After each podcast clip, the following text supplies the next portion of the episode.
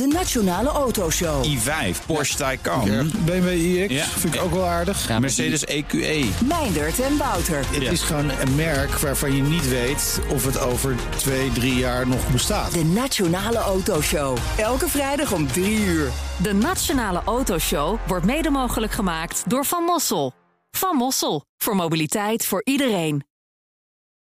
Elke twee weken dan kijken we naar mislukkingen. En niet onbelangrijk, wat we daarvan kunnen leren. Dat doen we samen met Paul Iske, de CFO, de Chief Failure Officer van het Instituut voor Briljante Mislukkingen. Welkom, Paul. Dankjewel, Thomas. Soms dan eh zou jij ook wel even denken, waar moet ik het over hebben? Deze keer eh, werd het wel behoorlijk aangereikt, geloof ik, hè? Ja, nou ja, je kunt sowieso natuurlijk niet eh, om eh, Musk heen als het gaat om mislukken.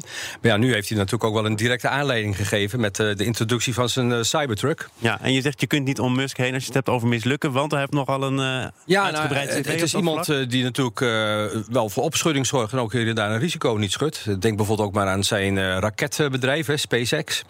Waarin hij ja, streeft naar raketten die herbruikbaar zijn. Maar dat betekent dat die dingen moeten landen. Nou, er circuleert een prachtig filmpje door Musk zelf op het internet gezet en ook zelf becommentarieerd.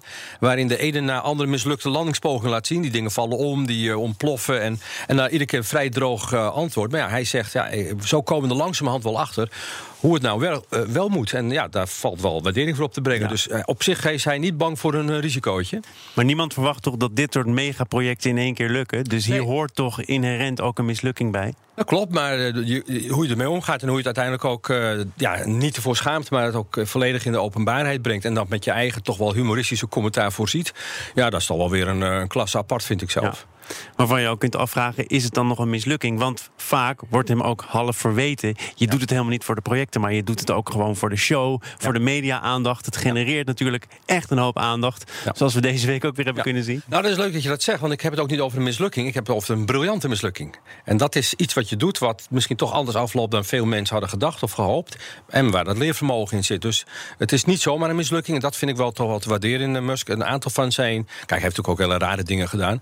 Maar een aantal van zijn mislukkingen zijn daadwerkelijk briljante mislukkingen. En de vraag is nu, hoe zit dat met die truck van vorige week? Kun je even die truc voor de mensen, voor de enkeling, vermoed ik, Ja. die nog niet weet waar dit over gaat, kun je uitleggen wat er vorige week gebeurd is? Ja, dat is dus al het bijzondere, hè, dat bijna iedereen weet. Nou, eh, in, in, in de hele lijn van zijn voertuig heeft hij dus nu ook een eh, pick-up truck eh, gepresenteerd. Ja, nou ja, eh, dat ding, eh, ja, wat je ervan vindt, dat moet je zelf Lelijk. Een eierdoos, Nou, ja. maar dan op wielen. Ja, Nou ja, en dan het van metaal. Laat het zo zeggen, opvallend. Dat is zo het minste wat je ervan kunt zeggen. Ja. Eh, overigens bevat hij nogal wat hoekige elementen. Wat mij doet afvragen of zoiets in ieder geval in Nederland wel. misschien.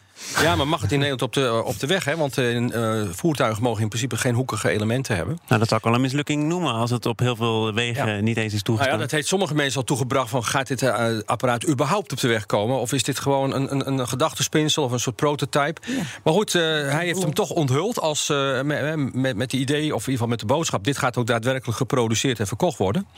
Eh, en hij heeft een aantal interessante features. Hè, behalve dan dat hij er natuurlijk op een ja, hele interessante manier uitziet. Maar hij is ook super en super sterk. Hè. Daarom heet hij ook, ja, het is een soort van, van trucken. Ja, wat, wat is het?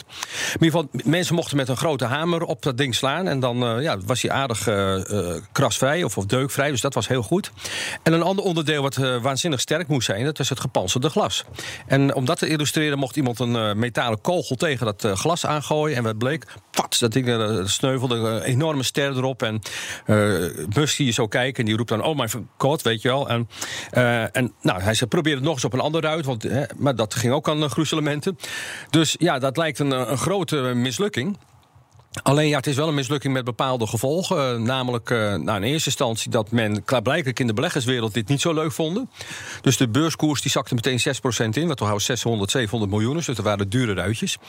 Uh, aan de andere kant is dat ding, ja, dat schijnt enorm voorbesteld te worden. He, de, de teller staat nu al op ruim 200.000 stuks. Moet ik wel bijzeggen dat de bestelling, de pre-order kost 100 euro. Of 100 dollar. En die mag je altijd weer afbestellen. Dus je kunt voor 100 dollar natuurlijk wel een beetje de blitz maken. Ik heb zo'n truck bestelt... en over twee jaar bestel je het ding gewoon weer af. Dit is de anekdote, toch jij niet zelf, toch of wel? Nou ja, ik heb, hem ik, ik- besteld? nee, ik heb hem nog Oh. niet besteld. Maar je, je Nee. kunt het doen. Maar, eh, maar de vraag is natuurlijk: eh, eh, is dit nou echt een mislukking? Eh, nou, Musk zelf beweert nu uiteindelijk dat het kwam omdat er eerst op die deur geslagen was, waardoor de basis van dat glas eh, verzwakt was. En waardoor uiteindelijk die tweede eh, aanslag eh, nou, niet, niet meer eh, gehandeld kon worden. Dat geldt voor het ene ruitje, maar niet voor het andere ruitje. Ja, er was daar ook geslagen voor. Oh, maar, was ook geslagen. maar, maar goed, eh, de vraag is dus nu wel van eh, wat moeten we hier nou mee? Nou, Nou, we hebben een model, hè? Viral heet ja, het. ja, ja, ja want, want laten we eerlijk zijn. De hele wereld praat er nu over. Hè. Dus eh, probeer dat maar eens met de marketingcampagne voor elkaar te krijgen. Dat jouw product zoveel belangstelling krijgt. Nou, dat moet je echt heel diep voor in de buidel Was hem dat overigens niet gelukt als dat ruitje heel was gebleven? Dan had hij aanzienlijk minder. eh, ja, ja, dus, dus, nou, de mislukking. pakken ze er even bij. De mislukking, hè. We hebben dus de, de viral formule, hè. dus eh, de, de V voor visie. Nou, wat probeerde hij te doen? Laten we even van het scenario uitgaan dat hij het eigenlijk gewoon wilde introduceren zoals het had geleken. Nou, dan, ja, dan heeft hij, wil hij een spraak maken om de introductie te doen. Nou, hè, met, met, met, met met zo'n kogel er tegenaan gooien, die hamer, eh, het achterlijke model. Nou, Dat is gelukt. Dat is gelukt. Nou, Moet even in een razende ja, De inzet, de inspiratie. Nou, het is toch natuurlijk ook een fenomeen. Hè? Dus hij heeft echt eh, weer iets eh, gedaan en hij inspireert mensen. Ook omdat hij natuurlijk ook best wel een duurzaamheidscomponent in zijn denken heeft. Ook een acht. Maar nou het risico. Hoe ben je met risico's omgegaan? Nou, je kunt wel zeggen, best wel een heel groot risico genomen. door ja, zo'n ja, grote impact op zo'n zo'n voertuig te willen laten zien. Schijnbaar zonder dat hij het echt voldoende getest heeft. Dus dat risico, dat vond ik toch wel een beetje te groot. Dat krijgt hij een twee voor. De, a, de van aanpak, nou, hij heeft het inderdaad heel groot aangepakt, maar niet echt goed voorbereid. Eh, toch nu weer niet geluisterd naar zijn eigen verleden, waarin nog wel eens dingetjes eh, uit de bocht gevlogen zijn. Kan hij niet meer dan een drie voor krijgen. En de lessen eh, heb, kun je hiervan leren. Nou, veel beter voorbereiden en rekening houden met, het, met de belangen die hier spelen. Als het dan toch misgaat, dan kun je zomaar 600, 700 miljoen eh, verspelen. Dat is alles bij elkaar een 3,8. Enige wat Disclaimer. opmerken- Ja. ja, mocht hij het wel expres hebben gedaan, want dat zijn de complottheorieën. eh, dat je zegt, nou, dit is mijn manier om aandacht te genereren. Dan denk ik dat eh, de risico en de aanpak veel hoger scoren. Maar dan moet ik zeggen dat de lessen die hij geleerd heeft toch weer niet zo heel groot zijn. Want dan vervalt hij toch weer in oud gedrag. En jaagt hij toch weer de hele investeringsgemeenschap tegen zich in het harnas. En dan komt hij niet verder dan een 5 of een 6. Maar interessant blijft het. Paul Iske, de CFO, de Chief Failure Officer van het Instituut voor Briljante Mislukkingen. Dankjewel.